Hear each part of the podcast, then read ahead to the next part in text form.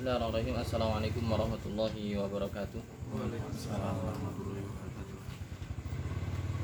Alhamdulillah wa kafa Wassalatu wassalamu ala al-habibil mustafa Wa ala alihi wa sahbihi Wa man ihtada bihudahu amma ba'du Allahumma alimna ma yanfa'una Wanfa'na bima 'allamtana Wa zidna ilman ya rabbal alamin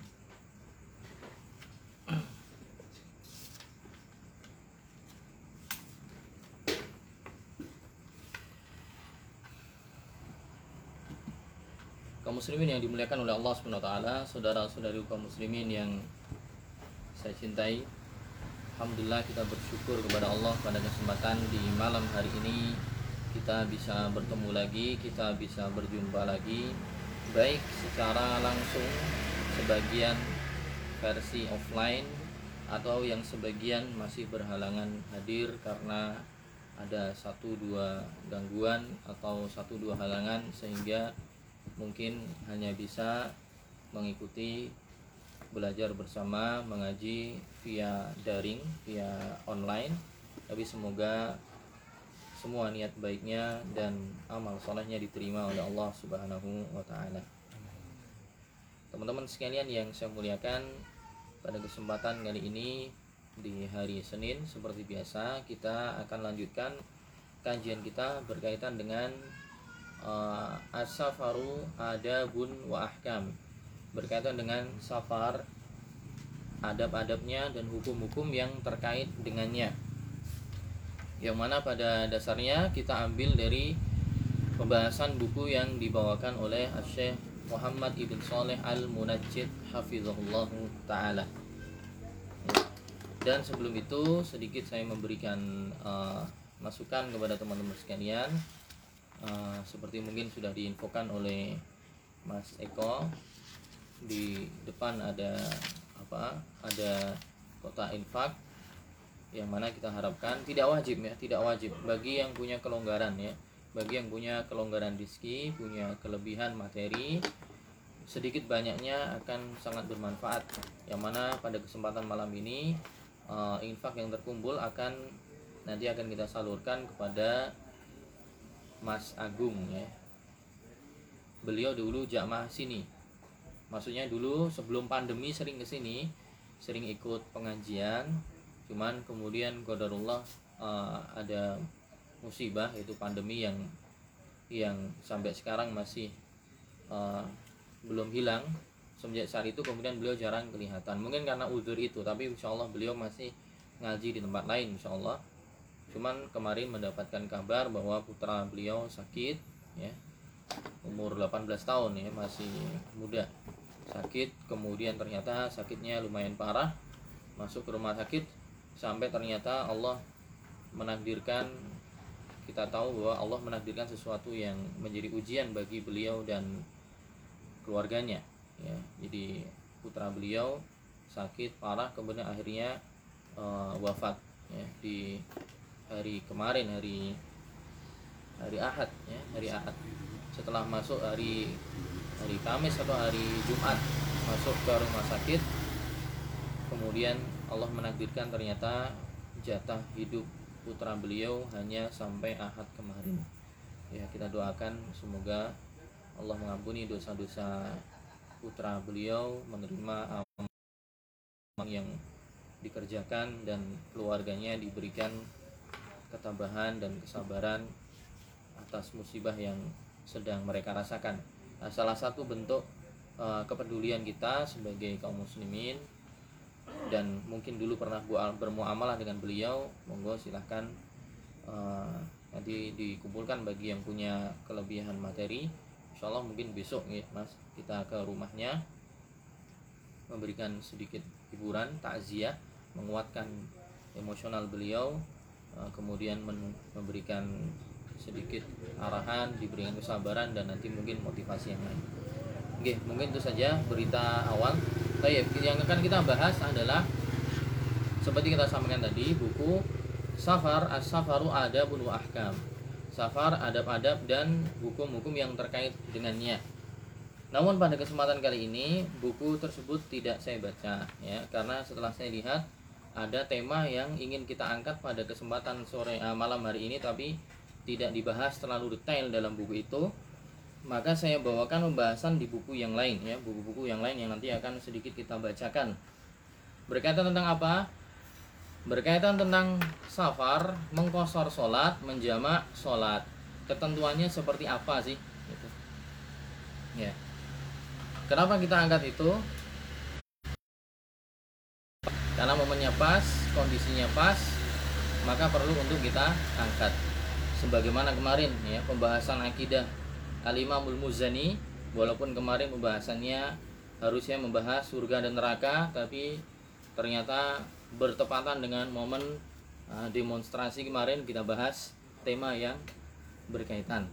Nah, sekarang ketika membahas tentang safar dan kemarin kita sempat melakukan perjalanan ya, di hari Sabtu sampai hari Ahad perjalanan ke salah satu wilayah di Gunung Kidul ya di Gunung Susang untuk bakti sosial dan dakwah.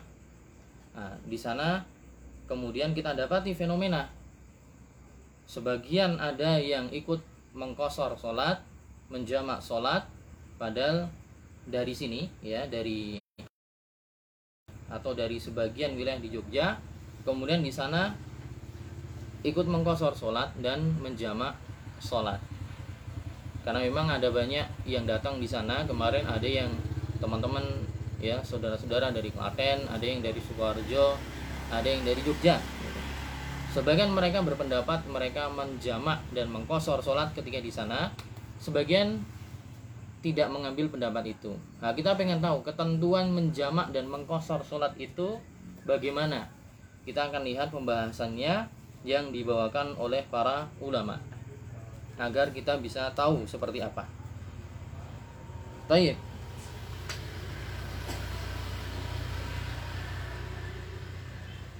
Ya, kita akan bacakan dulu kitab Al-Bidayatul Mustahid wa Nihayatul Muqtasid. Bidayatul Mustahid wa Nihayatul Muqtasid oleh Al-Imam Ibnu Rushd Al-Qurtubi Al-Maliki. Ya, buku fikih komparasi ya, fikih komparasi yang dahulu ini jadi diktat ya, jadi diktat buku kurikulum buku kurikulum ajar yang sempat saya pelajari dahulu ketika di LIPnya Jakarta. dipelajari selama 4 tahun dulu.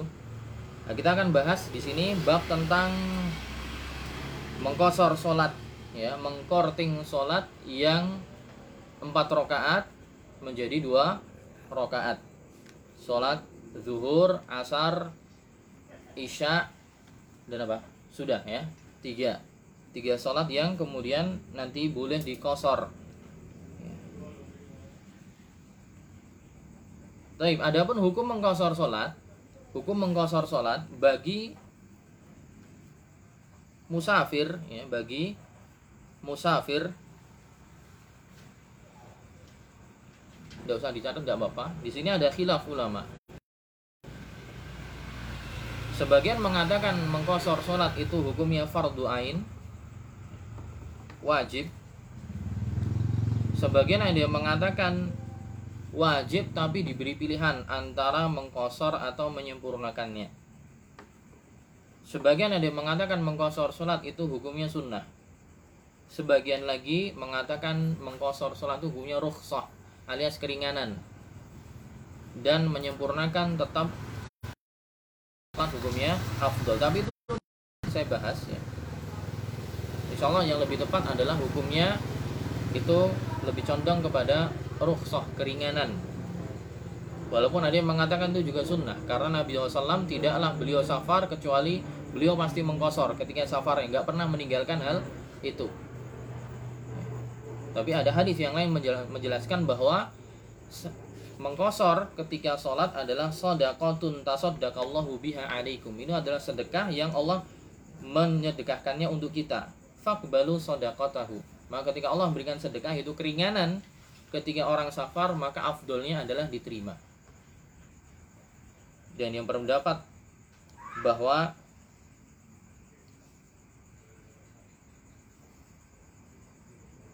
safar atau mengkosor ketika safar ini adalah pendapat dari Imam Malik dan yang lainnya. Ya. Tapi intinya berputar antara itu sebagai rukhsah keringanan ketika seorang sedang safar atau bisa jadi masuk kategori sunnah Nabi Shallallahu Alaihi Wasallam. Tapi yang akan kita bahas adalah masalah ukurannya, ya, masalah ukurannya. Berapa sih jarak dibolehkan seorang mengkosor sholat? Gitu. Jarak seseorang boleh mengkosor sholat. Nah, di sini akan kita bahas al-masafa allati yajibu fiha al-qasru. Jarak yang di jarak itu seseorang akan mengkosor sholatnya. Para ulama ikhtalafu fi dzalika aidan ikhtilafan katsiran. Para ulama berselisih pendapat, perselisihannya sangat besar di antara para ulama tentang berapa sih ukuran jarak seseorang boleh mengkosor sholat. Ya. Pendapat jumhur ulama, mayoritas ulama, pendapat Imam Malik, Imam Syafi'i, Imam Ahmad, dan sekelompok ulama yang banyak ila anna shalah tuqsaru fi arba'ati burdin Wadhalika masiratu yaumin bisairil wasati. Mayoritas ulama berpendapat bahwa ya Sholat itu baru boleh dikosor ketika orang melakukan perjalanan empat burd. Empat burd itu adalah 16 farsah. Ya. Zaman dulu belum ada ukuran meter. 4 burd itu adalah jarak 16 farsah.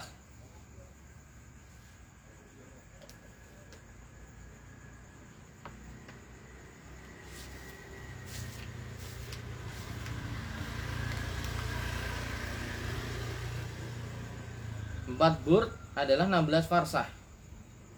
Adapun kalau diukur dengan mil, maka jaraknya adalah 8 mil.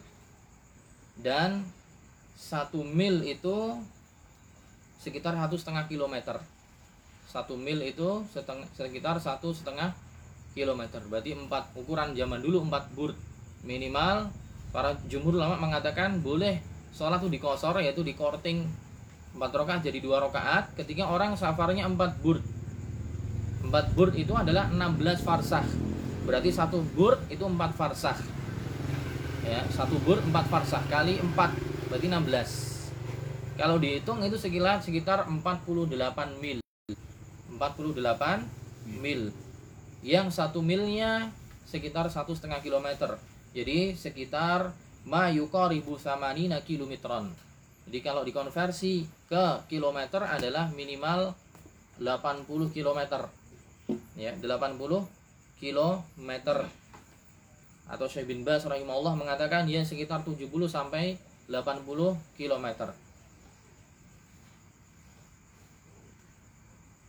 Pendapat jumhurul ulama. Minimal perjalanan sehari semalam. Ya, dalilnya banyak sekali dari Ibnu Abbas radhiyallahu anhu. Ibnu Abbas mengatakan ya ahla Makkah la tuqassiru fi aqal min arba'ati burdin. Wahai penduduk Makkah janganlah kalian mengkosor salat kalian dalam perjalanan yang kurang dari empat bur. Ya. dalam hadis yang lain dari Atta atau Ibn Abi Rabbah ditanya Ibnu Abbas ditanya a'uqassiru a'aksuru salah ila Arafah? Wahai Ibnu Abbas apakah ketika saya dari Mekah mau ke Arafah itu saya boleh mengkosor. Abbas mengatakan la. Tidak boleh. Lakin ila Usfan wa ila Juddah wa ila Taif. Baru kalian boleh mengkosor sholat penduduk Mekah ketika pergi ke Usfan nama tempat ini atau ke Taif atau ke Jeddah Jeddah. Ya, dan itu jarak sekitar 4 bur dari Salim juga dari Nafi dari Ibnu Umar radhiyallahu anhuma Ibnu Umar mengatakan anna apa di Ibnu Umar dikatakan annahu kana la yaqsuru illa fil yaumit tam. Qala Malik wa dzalika arba'atu burd.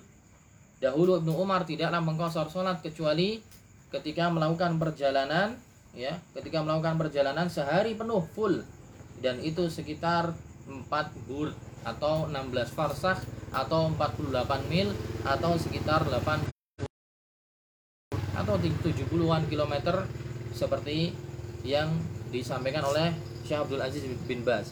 Itu pendapat pertama, jumhur. Pendapat yang kedua, pendapat Abu Hanifah ya beliau mengatakan lebih sadis lagi nah, beliau mengatakan bahwa mengkosor sholat tidak boleh ya. Akal luma tuksaru fi sholat salah ayam kalau beliau mengatakan minimal seorang boleh mengkosor sholat adalah perjalanan selama tiga hari. Ya perjalanan di sini jika disebutkan perjalanan adalah perjalanan orang Arab di masa lampau yaitu ketika mereka naik onta dan yang semisalnya. Empat tiga hari minimal tiga hari baru boleh mengkosor. Berarti kalau tadi perjalanan sehari full itu 80 kilo berarti menurut beliau kali 3 8 kali 3 baru sekitar 240 kilo baru boleh mengkosor. Kurang dari itu tidak boleh. Nah, itu pendapat mayoritas mengatakan minimal 80 kilo. Pendapat Abu Hanifah tiga kalinya. Dan pendapat ahlu zahir pendapat ahlu zahir ini Abu uh, pendapat ahlu zahir ini Ibnu Hazm Ibnu Hazm al-Zahiri dan juga Dawud al-Zahiri madhab Zahiri. Orang-orang yang memahami nas teks Quran dan hadis dari apa tekstual saja. Mereka berpendapat bahwa boleh mengkosor di setiap safar. Baik safarnya itu terhitung dekat ataupun jauh ya. baik itu safarnya dekat atau jauh kalau itu namanya safar maka boleh mengkosor. Itu boleh mengkosor. Dan ini pendapat ya juga yang dikuatkan oleh Ibnu Taimiyah, Ibnu Qayyim dan yang lainnya termasuk ulama kontemporer seperti Syekh Muhammad bin Saleh Al Utsaimin bahwa beliau mengatakan seseorang boleh mengkosor ya pokoknya kalau itu namanya safar maka boleh mengkosor. Entah itu dekat atau jauh. Jadi mereka menyelisih pendapat jumhurul ulama mayoritas ulama. Itu beberapa uh, nukilan dari perkataan mereka. Wasabu fi ikhtilafi mu'aradatul ma'na al-ma'kul min dhalika al-lafz wa dhalika anna al-ma'kul min ta'thiri safar fil qasri annahu li makani al-mashaqqah al-mawjuda fihi mithlu ta'thirihi fi sawm wa idza kana al-amru 'ala dhalika fayajibu al-qasru haythu al-mashaqqah wa amma man la yura'i fi dhalika illa al-lafz faqat faqalu qad qala qala an-nabi sallallahu alaihi wasallam inna allaha wada'a 'ala al-musafir as-sawma wa syatta as-salah fa kullu man intalaqa alaihi ismu musafir jazalahul qasr ya jadi para ulama yang mengatakan bahwa mengkosor sholat itu hanya boleh minimal 80 kilo karena mayoritas orang yang safar sampai 80 kilo itu dialah yang mengalami tingkat kesulitan dan kecapean yang dirasakan oleh orang yang safar. Kalau kurang dari itu, ya, Biasanya tidak demikian. Ini untuk ukuran orang yang safar di zaman Nabi dan para sahabat yang memang terbiasa. Baru sehari semalam itu baru merasakan masyakoh yang dirasakan oleh orang yang dikatakan dia seorang musafir. Tapi pendapat yang mengatakan boleh men apa namanya mengkosor yang penting dia musafir karena banyak dalil Al-Qur'an atau hadis mengatakan boleh mengkosor jika dia adalah musafir jadi selagi namanya dia musafir entah pendek atau panjang maka dia boleh mengkosor. Allah alam bisawab di sini yang kuat yang mana? Ya. Tapi perkataan para sahabat banyak mengatakan tadi Ibnu Abbas dan Ibnu Umar termasuk pembesarnya para sahabat mengatakan tidak boleh kecuali perjalanan sehari semalam. Karena memang itu yang dilihat oleh para sahabat Nabi tidak mengkosor kecuali perjalanan sejauh itu. Prakteknya Nabi, ya, ketika beliau safar melakukan perjalanan itu tidak mengkosor kecuali minimal sehari semalam dulu itu yang dipraktekkan. Tapi ulama yang mengatakan walaupun itu perbuatan beliau, tapi tidak ada ya perkataan yang sore, yang jelas, yang gamblang bahwa Nabi mengatakan kalau kamu mengkosor harus minimal sekian. Tidak ada yang seperti itu. Jadi Nabi secara langsung menegaskan bahwa jarak sekian baru boleh kosor. Nabi tidak pernah mengatakan itu. Makanya para ulama beristihad. Ya, melihat dari praktek Nabi ini yang paling dekat yang mana. Nah, jumhur mengatakan minimal sehari semalam gitu. Jadi kalau dikonversi sekitar 70 sampai 80 kilo. Kurang dari itu maka tidak. Dan juga misalnya ya, ya memang di, di sini akan mencela tidak dalam masalah fikih biasa seperti ini silahkan ngambil pendapat yang mana tapi di sini dalam rangka kita pengen tahu sisi argumennya seperti apa sisi ilmiahnya kayak apa gitu. Biar kita tahu bahwa ketika kita ngambil pendapat ini gitu. nah tariklah misalnya mengambil pendapat yang boleh mengkosor jika dia safar. Entah itu safarnya pendek atau safarnya panjang. Cuman masalahnya mereka yang berpendapat demikian seperti Ibnu Taimiyah rahimahullah dan yang lainnya mengatakan dikatakan boleh mengkosor ketika safar safar ini dikembalikan kepada urf yaitu kebiasaan di tempat itu kalau perjalanan sekian sampai sekian dikatakan safar maka boleh mengkosor. Masalahnya urufnya gimana? Susah nggak ngitungnya? Saya tanya misalnya kalau sini sampai kalau sini sampai apa? Sampai patok safar nggak? Enggak. ukurannya apa? Kenapa jenengan bisa bilang enggak? Tidak keluar batas wilayah Belum kalau sini sampai pelayan? Udah keluar. Batas wilayah. dobitnya apa dobitnya? Dalam syariat harus ada dobit. Dobit itu adalah ukuran baku. Sehingga kita bisa mengatakan kalau tandanya ini maka sudah safar. Kalau belum tandanya ini maka kita belum safar. Gimana? Sesuatu harus mumdobit harus apa namanya ada sesuatu yang beri tanda-tanda seperti kaidah lah. Kaidahnya gini berarti gini. Gini berarti gini. Soalnya ketika saya ngomong misalnya tanya sampai palian safar enggak ketika saya tanya kepada fulan kepada Allah nanti jawabannya akan beda. Bisa-bisa nisbi. Fulan mengatakan safar yang lain nggak mengatakan safar. Kalau secara urf itu adalah berarti kesepakatan bersama di daerah itu bahwa orang pergi ke sini namanya safar. Gimana ukurannya? Kalau pakai urf susah. Tandanya apa? Ketika orang misalnya dia mereka berpendapat bahwa itu dikatakan safar walaupun kurang dari 80 kilo menurut pendapat jumhur ya kan? Jumhur mengatakan kalau pakai pendapat jumhur enak. Ikut saya bin Bas enak berarti pokoknya kalau kurang 70 kilo berarti enggak kok enggak safar. Kalau 70 kilo atau 80 safar. Enak. Kita tahu tinggal klik Google Maps oh jarak rumah saya sampai itu sekian berarti ini saya safar. Kalau kurang berarti bukan musafir. Berarti tidak berlaku hukum hukum kosor tidak berlaku hukum jamak tidak berlaku bagi yang puasa boleh berbuka. Nah tapi kalau ukurannya dengan urf iya saya tidak mengingkari hal itu. Silahkan boleh yang mengambil pendapat bahwa safar itu dikatakan safar dikembalikan kepada urf kebiasaan. Satu kaum bahwa mereka sepakat jarak sekian itu safar. Cuman saya pengen tanya ukuran yang disepakati bahwa jarak sini sampai ke tempat tujuan itu safar itu ukurannya apa? Gimana? Dobit bakunya ukuran bakunya gimana? Ya gimana persiapannya. Mau nginep, baju mau nginep. bawa baju? Atau mau bekal gitu. Bekalnya berlebih gitu? Iya. Ini persiapan untuk fisik lah. Bisa juga sih. Bisa juga. Tapi ada juga yang pergi nyatanya ya om mek go jaket tok. Tapi ya banyak juga. Oh gimana susah kan? Ya, niat bekal. Eh, saya tidak tidak mengingkari silahkan. Yang mau ngambil pendapat itu boleh boleh aja. Cuman takutnya karena nggak ada dobitnya atau dobitnya susah ukuran bakunya susah nanti jadi bermudah-mudahan. Oh, cuman 20 kilo safar kok saya. Kosor. Cuma 25 kilo safar saya. Kosor.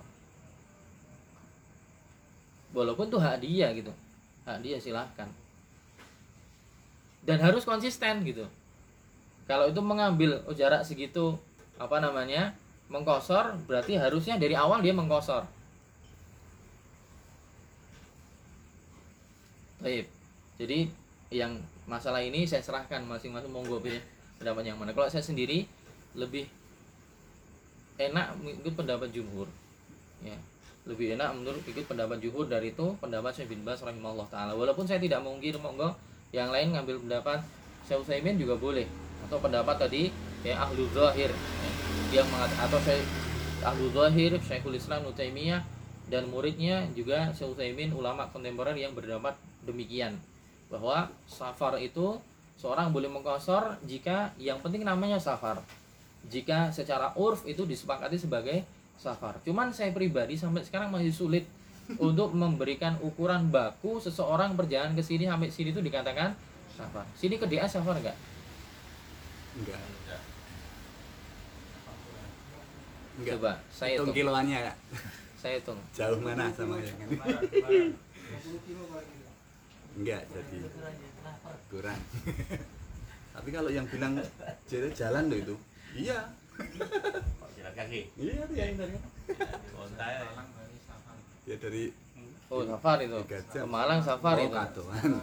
ini yang nanggung nanggung Darus Solihin itu 27 kiloan 30 Iya. an belum berarti ya? Belum. Gunung susang? Berapa kilo ah iya. Oh ngalah. kalau memang jaraknya demikian kalau memang jalannya demikian jaraknya memang demikian ya. Kalau jadi kan ting- tinggal ikut pendapat yang mana dulu nah kalau ikut pendapat yang 70 atau 80 kilo kalau memang jalannya memang gitu nggak ada opsi lain ya berarti insya Allah terhitung terhitung tetap safar. Walaupun sebenarnya ada jalan pintas tapi karena nggak ada memang jalannya harus gitu sehingga menjadi 80 kilo atau 70 kilo masuk insya Allah. Karena itu bukan bukan hilah bukan tipu muslihat jenengan kecuali tipu muslihat pengen ke DS muter sih. Bali Lalu selesai. itu tipu muslihat. Hilah. Tapi kalau memang jalannya emang kayak gitu ya berarti kan bukan kita yang buat tapi tuntutan jalan tujuan memang seperti itu. Taib nah, di sini Allah alam biswa pendapat jumhur mengatakan minimal 4 bur 8, 16 farsah 48 mil atau sekitar 80 km atau Syekh bin Bas mengatakan ya sekitar 70 km ukuran seperti kata Ibnu Abbas juga kata Abdullah bin Umar seperti perjalanan dari Mekah ke Jeddah. Mekah ke Taif ya. Mekah ke Jeddah atau Mekah ke Taif. Dan itu kaulus sahabi perkataan sahabi. Allah alam bisawab yang apa namanya yang rojih seperti apa. Nah, di sini memang saya belum berkapasitas untuk mentarjih tapi para ulama berdebat demikian Eh, kalau saya pribadi lebih condong ke pendapat yang jumhur. Dan itu lebih enak ya lebih enak. Taib. Itu pembahasan pertama. Ya. Pembahasan tentang jarak jarak jarak minimal mengkosor sholat. Yang kedua adalah kapan seseorang musafir boleh mengkosor sholat kapan seorang musafir boleh mengkosor sholat. Maksudnya adalah seorang mau safar nih. Ini safar yang disepakati ya safar yang disepakati. Misalnya mau pergi ke Pemalang tadi misalnya atau pergi ke Bandung. Kalau pergi ke Bandung dua-duanya sepakat. Entah yang menganggap safar itu pendek atau panjang atau yang menganggap safar itu minimal 80 kilo semua sepakat. Kalau dari sini ke Bandung pasti sah safar. Nah pertanyaannya kapan dia baru boleh mengkosor sholat.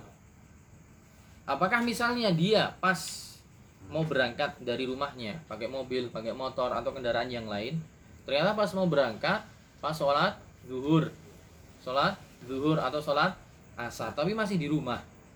Apakah dia boleh untuk mengkosornya atau belum? Itu yang dibahas. Ya. Apa ketika masih di rumah sudah berniat sudah azam sudah berazam udah tadi beli bensin udah persiapan bekal macam-macam kayak mobil atau pakai motor atau nanti rumahnya atau dia sudah uh, dia mau pergi nanti berangkat ke stasiun misalnya tapi masih di rumah. Sudah waktu zuhur Nah, kapan dia mulai boleh mengkosor? Ya, itu pembahasannya. Di sini dikatakan masih di bidayatul mustahid al maudhi'ul ladzi yabda'u minhul musafir bil qasr Ya, tempat atau posisi di mana seseorang memulai ya, orang yang safar memulai untuk mengkosor Ibnu Rushd mengatakan fa inna malikan qala fil muwatta. Ibnu Rushd mengatakan Imam Malik mengatakan dalam kitab Al Muwatta la yuqsaru shalah atau la yaqsuru salat alladhi yuridu safara hatta yakhruja min buyutil qaryah. Jadi seseorang yang hendak safar tidak boleh mengkosor salat sampai dia keluar dari pemukimannya. Dari pemukimannya. Dan tidaklah dia menyempurnakan sholat sampai dia masuk ya awal pemukimannya. Gimana maksudnya? Soalnya kalau dulu itu modelnya kampung dulu di Jazirah Arab itu kan nggak seperti sekarang. Kalau sekarang apalagi tinggal di kota dia keluar dari dari kampungnya masih masuk kampung yang lain ya kan? Nggak langsung hilang pergi gitu. Ya kalau zaman dulu ya, orang ada kampung ketika sudah keluar dari kampung ya udah langsung padang pasir. Sepi nggak ada yang lain gitu. jadi ketika dia sudah berpisah dengan dengan apa namanya dengan kampungnya ya udah dia udah nggak di kampung lagi. Jadi ketika masih di dalam maka belum jadi seakan-akan jenengan bayangkan ada tempat kosong ya kan? Padang pasir itu ada kampung. Nah jenengan ketika masih di dalam baru berjalan di dalam maka belum boleh. Tapi kalau sudah keluar dari itu maka baru berarti dia sudah berpisah dari buyutul qaryah rumah-rumah yang ada di pemukimannya. Baru dia boleh memulai untuk mengkosor walaupun baru keluar se- sedikit oh sudah waktu sholat duhur dia kemudian mengkosor di situ. Masih jarak mungkin 10 meter dari kampungnya tapi dia udah keluar. Ya. sebagaimana kalau dia masuk yaitu pulang dari safarnya dia masih boleh untuk mengkosor menjamak selagi belum masuk kampungnya. Cuman nanti yang jadi masalah ukuran kampung ini apa? Apakah kampung ukuran dusun? Apakah kampung ukuran kelurahan? Apakah kampung ukuran kecamatan atau apakah kampung ukuran apa? Kabupaten atau yang lainnya? Nah ini yang susah juga untuk ini. Tapi wallahu alam bisawab dilihat dari mungkin kebiasaan yang ada di masa dulu adalah ya mungkin kalau kemarin kita dari Gunung Kidul ya model seperti kampung-kampung Gunung Kidul. Ketika kita keluar langsung kemudian alas. Jadi maksudnya ketika keluar dari kampung itu sudah nggak ada kampung lagi sudah mulai hutan gitu. Nah, ketika masuk di situ masuk kemudian sudah pulang dari safar nah, dia masuk kampung itu berarti dia sudah bukan musafir lagi nah, atau untuk ukuran kota yang kampungnya saling berdekatan gimana sana Sawah. ya Udah lihat sawah berarti nah, kalau nggak ada sawah kan berarti udah di luar kota. Mata di luar kota. misalnya jenengan safar jenengan anugerah ilahi apa namanya eh, Gak ada sawah tuh. Sawah kan. Ukurannya Kalau gimana? lihat sawah berarti udah safar ini udah udah udah keluar dari kampung.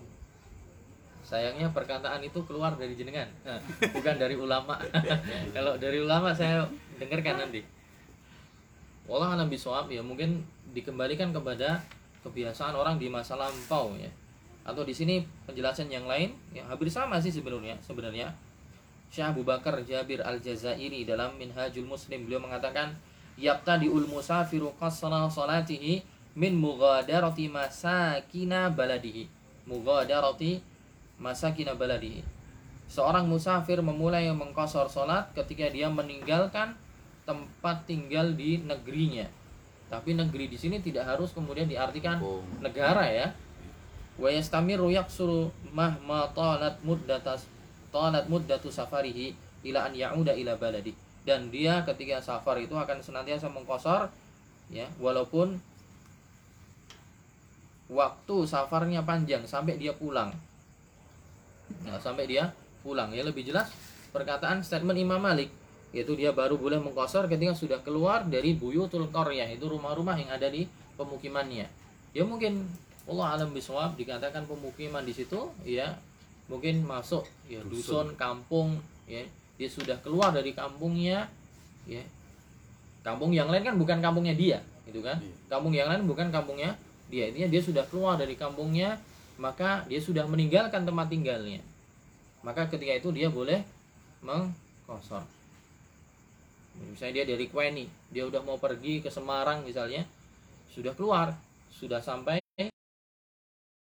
Ring road udah. ring road ya, atau sampai ini dia dia udah keluar udah udah jelas ini tidak hanya niat tidak hanya azam tapi sudah aksi ya sudah keluar dari tempat tinggalnya. Maka ketika dia keluar di sana ternyata di masjid apa itu? Eh, dekat ngasem itu eh dekat apa? Pasti ada masjid kemudian azan asar eh, boleh berhenti kemudian di situ mulai mengkosor sholat. Karena dia mudah musafir. Nah, dia akan berjalan lagi. Sebagaimana kalau pulang selagi belum sampai sini, maka dia juga masih punya hak untuk mengkosor dan menjamak. Wallahu a'lam bissawab.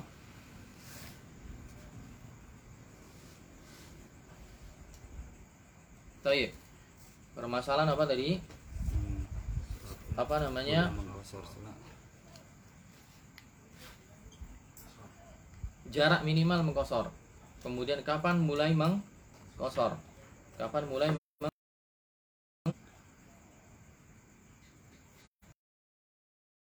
Kemudian menjamak ya. Menjamak sholat ketika nuzul, ketika singgah. Ketika sing singgah. Nah, Kemarin di Gunung Susang. Bagi yang menganggap itu safar ya, bagi yang menganggap itu safar. Bagi yang menganggap itu safar, apakah dia boleh menjamak ketika singgah? Ketika singgah. Jadi nggak lanjut terus. Beda dengan lanjut. Lanjut itu misalnya dia mau pergi ke mana? Ke Solo. Imogiri atau ke eh, ke Wonogiri atau beri ke Solo. Mampir di Gunung Susang misalnya. Berhenti sejenak wudhu mandi kemudian sholat. Tapi dia tidak berniat untuk singgah. Nanti kemudian bangkit apa bangkit lagi melakukan perjalanan. Ini namanya bukan singgah cuman mampir. Nah, beda kalau singgah. Nah, boleh nggak kalau singgah itu? Ketika singgah bermalam nah selama singgah itu dia tetap meng- menjamak. Tetap men, kalau kosor tetap boleh ya. Kosor tetap boleh karena dia statusnya musafir. Nah, ini yang lain. Yang soh yang lain yaitu berupa menjamak sholat. Baik. dalam kitab Taisirul Alam Syarah Umdatul Ahkam ya. Syekh Abdullah Ibn Abdurrahman Al-Bassam Syekh Abdullah bin Abdurrahman Al-Bassam di sini menjelaskan hadis ke 28 128 hadis ke 128 dari Abdullah bin Abbas. Dari Abdullah bin Abbas radhiyallahu anhu hadisnya Bukhari dan Muslim ya sahih. Dari Abdullah bin Abbas radhiyallahu anhu beliau mengatakan kana Rasulullah SAW yajma'u baina salati zuhri wal asr. Dahulu Nabi SAW menjamak antara salat zuhur dan asar idza kana ala dhuhri sayrin. Jika beliau sedang berada di punggung perjalanan maksudnya bahasa kiasan maksudnya dia tidak sedang sing singgah. Kata Ibnu Abbas dahulu Nabi SAW menjamak antara zuhur dan asar ketika beliau sedang melakukan perjalanan tidak singgah. Wa yajma'u bainal maghrib wal isya. Juga beliau menjamak antara maghrib dan isya safar dan tidak apa? Tidak sedang singgah. Nah bagaimana jika sedang singgah? Singgah di sini maksudnya mandek kemudian menginap nah, memang ada khilaf. Nah, kita bacakan khilafnya. Para ulama berselisih pendapat. Madhab syafi'i Ahmad dan mayoritas ulama Syafi'i dan Ahmad dan mayoritas ulama mereka mengatakan bahwa safar ila anna safara sababun fi jam'i taqdimi wa ta'khir wa huwa riwayatun an Malik. Pendapat mayoritas ulama termasuk Syafi'i dan Ahmad mengatakan bahwa safar adalah sebab dibolehkannya menjamak sholat baik jamak takdim ataupun takhir. Dan ini adalah salah satu riwayat juga dari pendapat Imam Malik. Berarti mereka apa? Membolehkan. Yang penting itu safar, maka boleh jamak takdim ataupun takhir, boleh ketika jalan ataupun ketika Berhenti. berhenti atau sing singgah. Pendapat kedua, pendapat Imam Malik dalam riwayat yang masyhur. Jadi ri- riwayat fatwa beliau yang masyhur dalam masalah ini ila ikhtisasil jam'i bi waqtil hajah wa huwa idza jadda bihi sayr Islam Ibnu Taimiyah wa qawwa dzalika Ibnu Qayyim fil Hadi. Menurut Imam Malik dan pendapat yang diambil oleh Ibnu Taimiyah dan oleh Ibnu Qayyim rahimahullahu taala rahimahullah bahwa menjamak sholat itu hanya khusus ketika seorang tidak singgah alias ketika jadda bihi sair alias sungguh-sungguh dalam berjalan alias pas apa? Jalan. Tidak sedang singgah tidak sedang mandek dalam jangka waktu yang lama. Mereka berdalil dengan apa? Dengan hadis tadi Abdullah bin Abbas. Ya. Yang kedua mereka berdalil dengan hadis ya Ibnu Umar bahwa Ibnu Umar menyampaikan Inna Nabi SAW kana idza jadda bihi sair jama'a bainahuma. Bahwa Nabi SAW dahulu ketika bersungguh-sungguh melakukan perjalanan tidak sedang singgah beliau baru menjamak dua sholat tersebut ya. Entah maghrib dengan isya atau duhur dengan asar ya. Eh maghrib dengan isya. Iya benar menjamak maghrib dengan isya atau juga duhur dengan asar. Mana yang lebih kuat? Ya. Wallah alam bisawab sepertinya pendapat yang pertama itu yang lebih kuat. Ya pendapat pertama itu yang lebih kuat alias boleh menjamak dalam kondisi singgah. Dalilnya apa? Dalilnya adalah ketika Nabi SAW pas perang Tabuk. Pas Nabi SAW perang Tabuk di sana Nabi SAW bersama sahabatnya Tabuk itu daerah Yordan ya dari Mekah jauh sekali wilayah Syam dekat dengan wilayah Syam dahulu ketika beliau di situ ingin perang dengan Romawi, beliau singgah di situ. Dan beliau tidak melakukan perjalanan singgah, berkemah. Tapi beliau disebutkan pernah menjamak. Dzakara Syafi'i fil Um wa Ibnu Abdul Bar. Imam Syafi'i dalam kitab Al-Um dan Ibnu Abdul Bar dan Al-Baji ya, menyebutkan menjelaskan oh, sebelumnya uh, dari Mu'ad hadis dari hadis yang dikeluarkan di dalam kitab Muwatta. Dari Mu'ad bin Jabal bahwa Nabi SAW suatu ketika mengakhirkan sholat pada perang Tabuk. Kemudian beliau keluar dari tendanya fasallau zuhra wal asra jami'an. Kemudian beliau melakukan sholat zuhur dan asar di jamak jadi suatu ketika beliau mengakhirkan sholat zuhur dan dilakukan sholat jamak dengan asar summa dakhala kemudian beliau masuk lagi ke kemahnya ke tendanya summa kharaja fasallal maghrib wal isya maghrib wal isya dan keluar lagi dan beliau menjamak langsung maghrib dan isya. Ini dalam kondisi beliau apa? Beliau sedang singgah atau sedang nuzul mampir. Dan ini dijelaskan oleh Imam Syafi'i dan Ibnu Abil Bar dan Al-Baji bahwa keluar masuknya Nabi SAW la yakunu illa wa huwa nazil tidaklah beliau melakukan itu kecuali beliau sedang singgah bukan sedang melakukan perjalanan yang berlangsung jadi memang ada dua pendapat. Yang satu mayoritas mengatakan boleh walaupun dalam kondisi singgah, yang satu mengatakan apa? Hanya boleh dalam kondisi jalan saja. Tidak boleh ketika singgah, tidak boleh menjamak. Tapi wallahu alam bisawab di sini yang lebih kuat adalah pendapat yang pertama dan itu juga yang dijelaskan oleh ya Ibnu Dakik Al-Aid rahimahullah Beliau mengatakan lakin idza sahal jama' fi halati nuzul fal amalu bihi aula. Ibnu Dakik mengatakan jika hadis tentang Nabi tadi singgah pas perang Tabuk dan beliau menjamak sholat pas beliau singgah dan hadis ini sahih ya ketika beliau sedang singgah fal amalu bihi aula. Mengamalkan hadis itu lebih utama. Jadi kita katakan kalau kemarin pas di Gunung Susang itu terhitung safar maka menjamak sholatnya itu boleh-boleh sah saja yang masalahnya jika itu bukan safar. Karena kembali lagi ke ukuran safar itu jaraknya berapa? Di sini lumayan ge. Satu pembahasan lagi. Berapa jam itu? 40 Iya. Saya kemarin habis dari sana masuk angin. Makanya tadi gak berangkat. Bias. Soalnya di sana masya Allah panasnya, terus ternyata kodarullah di tengah hujan. Dan saya salahnya saya nggak apa tasnya nggak saya taruh di depan. Biasanya saya kalau jauh itu tasnya tak taruh di depan. Kemarin tak taruh belakang, jadi angin langsung kena terus. Alhamdulillah sampai rumah muntah-muntah. Teler, alhamdulillah. Makanya tadi nggak berangkat di bias. Tapi sekarang masalah sedikit poin Ida tamma biman yashuku fi hal huwa musafir au mukim. Jika seseorang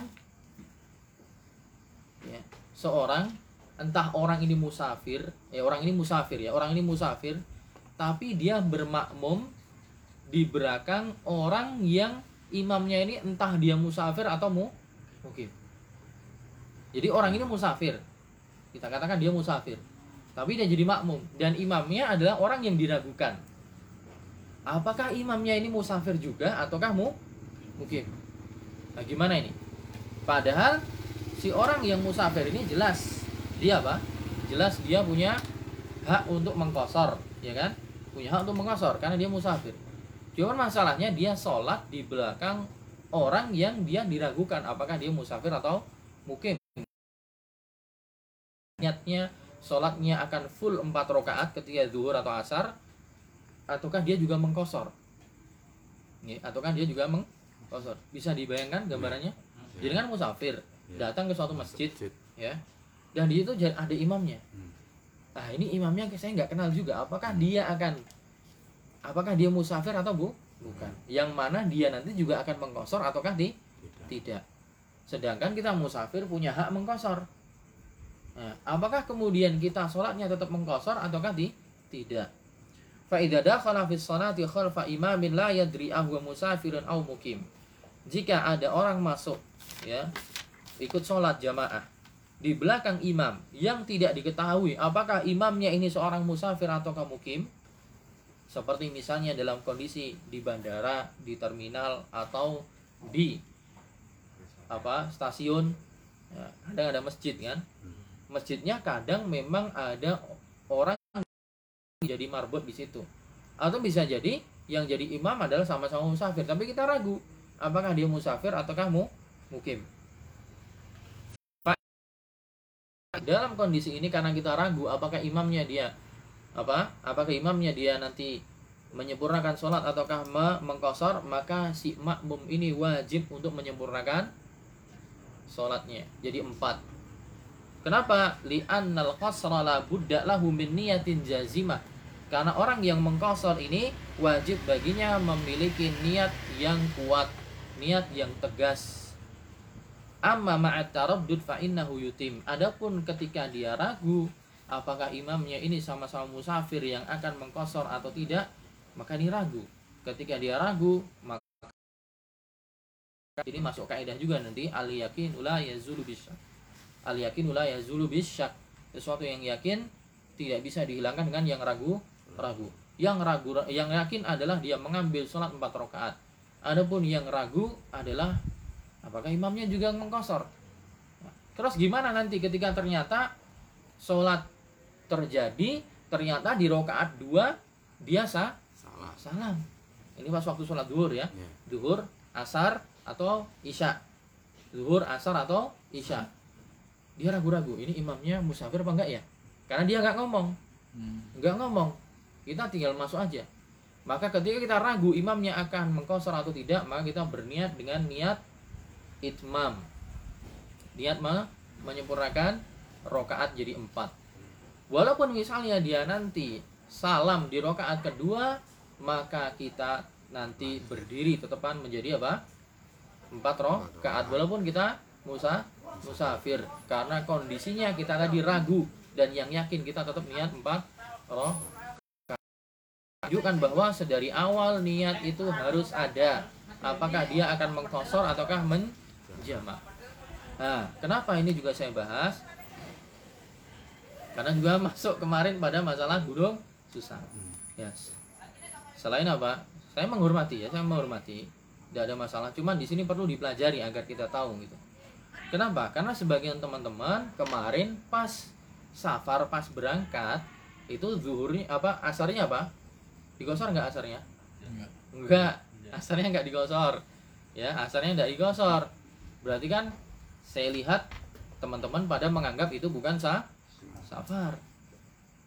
Karena pas berangkat bareng-bareng yang dari sini ke masjid sholat asar sholatnya nggak digosor.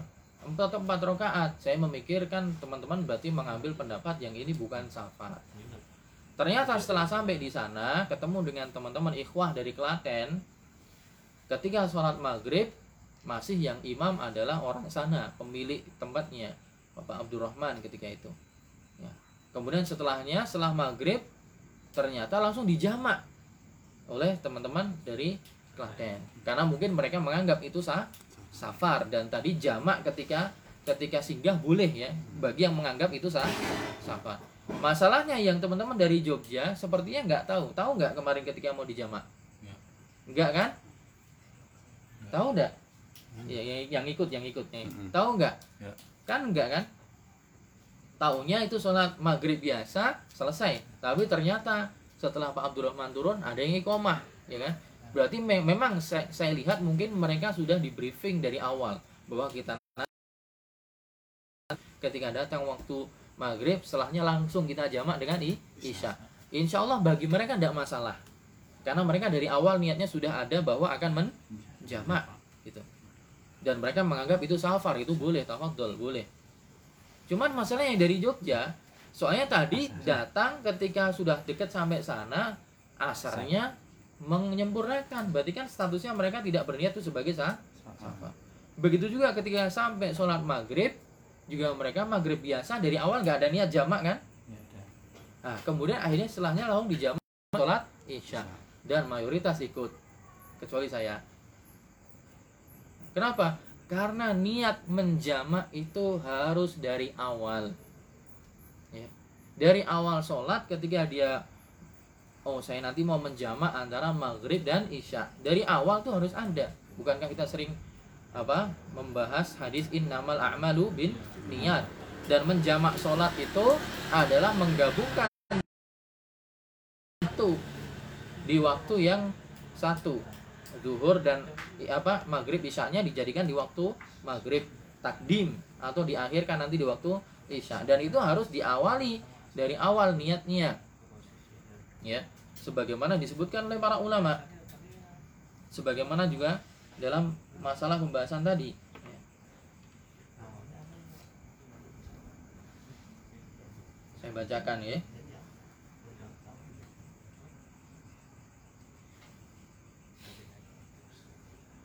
dalam fatwa di Islam Web ya.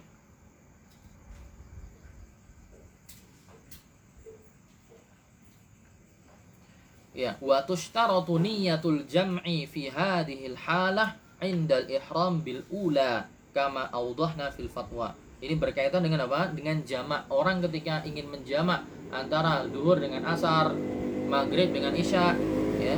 Dikatakan tushtaratu niyatul jama' dipersyaratkan adanya niat untuk menjamak dalam kondisi ini pada saat ihram di sholat yang pertama.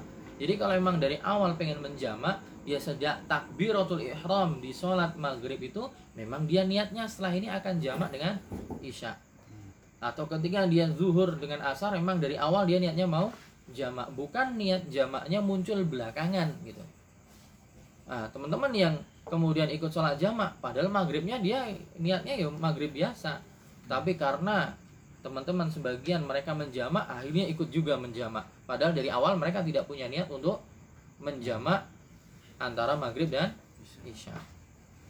Nah itu beberapa permasalahan yang kita bahas pada kesempatan malam hari ini. Ya.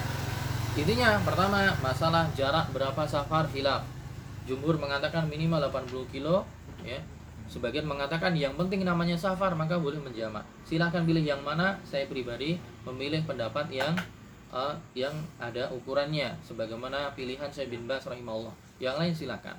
Ya karena ini perkara yang memang boleh khilaf di sini. Tidak ada dalil yang jelas yang gamblang dalam masalah itu. Cuman bagi yang memilih ukuran safar sesuai ur, nah itu saya pribadi susah untuk menghitung bagaimana ukurannya secara baku.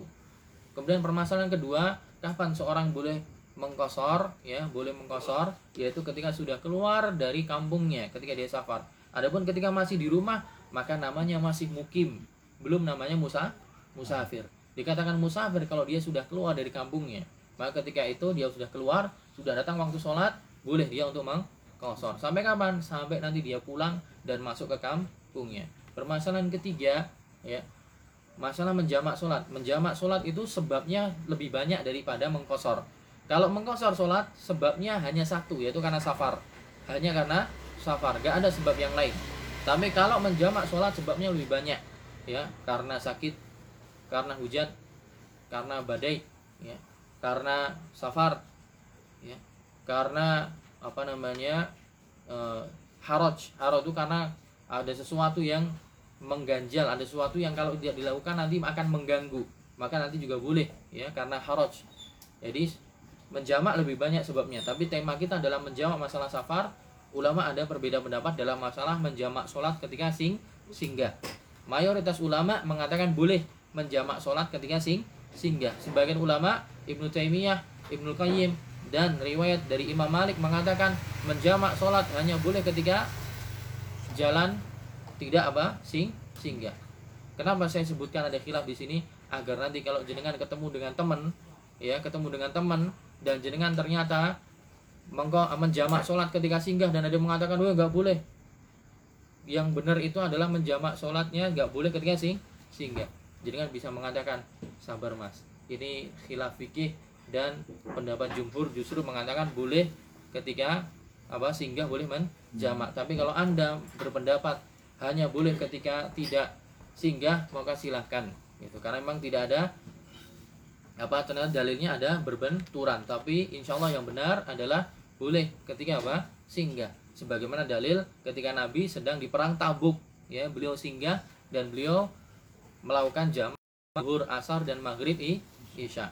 Itu permasalahan tentang menjamak ketika apa namanya ketika eh, singgah ya. kemudian permasalahan ketika orang ragu.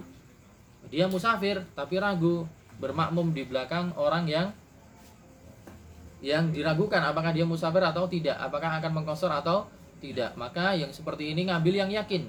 Yang yakin adalah mengitmam atau menyempurnakan rokaat. Kalau kita ngambil pendapat yang kosor eh ternyata imamnya nggak kosor ya berarti keli keliru. Maka tetap ambil yang sempurna Nah, dan niat itu dari awal. Ya harus dari awal yakin. Sebagaimana juga masalah menjamak sholat. Boleh. Dari awal dia memang sudah berniat. Ya dari awal sudah berniat. Nah di sinilah pentingnya apa imam juga ngasih tahu makmumnya. Nah biasanya saya gitu. Kalau saya misalnya mau menjamak atau saya mau mengkosor saya biasanya ngomong. Kalau pas safar ya biasanya dulu zamannya masih di Subang pas mau pulang ke Jogja atau pas mau ke Jakarta. Kalau pas di stasiun saya suruh jadi imam saya ngomong pak ini mungkin ada yang asli Bandung ada mungkin yang ini ketika pas di apa pak? Stasiun apa? Kiara Bayu Kiara Condong. Nah, Kiara Condong. Nah, saya ngomong pak ini saya mau ke Jogja. Barangkali ada orang Bandung asli ya. Bandung asli di situ rumahnya situ kan. Kalau dia orang Bandung asli udah kampungnya di Kiara Condong kan sudah masuk ke kampungnya. Jadi dia nggak sudah nggak mengkosor lagi sudah nggak menjamak lagi gitu. Nah tapi mungkin sebagian ada yang mayoritas adalah musafir. Saya ngomong pak nanti saya nanti menjamak karena lagi musafir. Jadi akhirnya apa? Makmumnya tahu oh bahwa nanti akan saya jamak nanti akan saya kosor dan seterusnya. Wallahu taala a'lam bissawab begitu yang bisa saya sampaikan. Jazakumullah khairan. Assalamualaikum warahmatullahi wabarakatuh. Waalaikumsalam warahmatullahi wabarakatuh.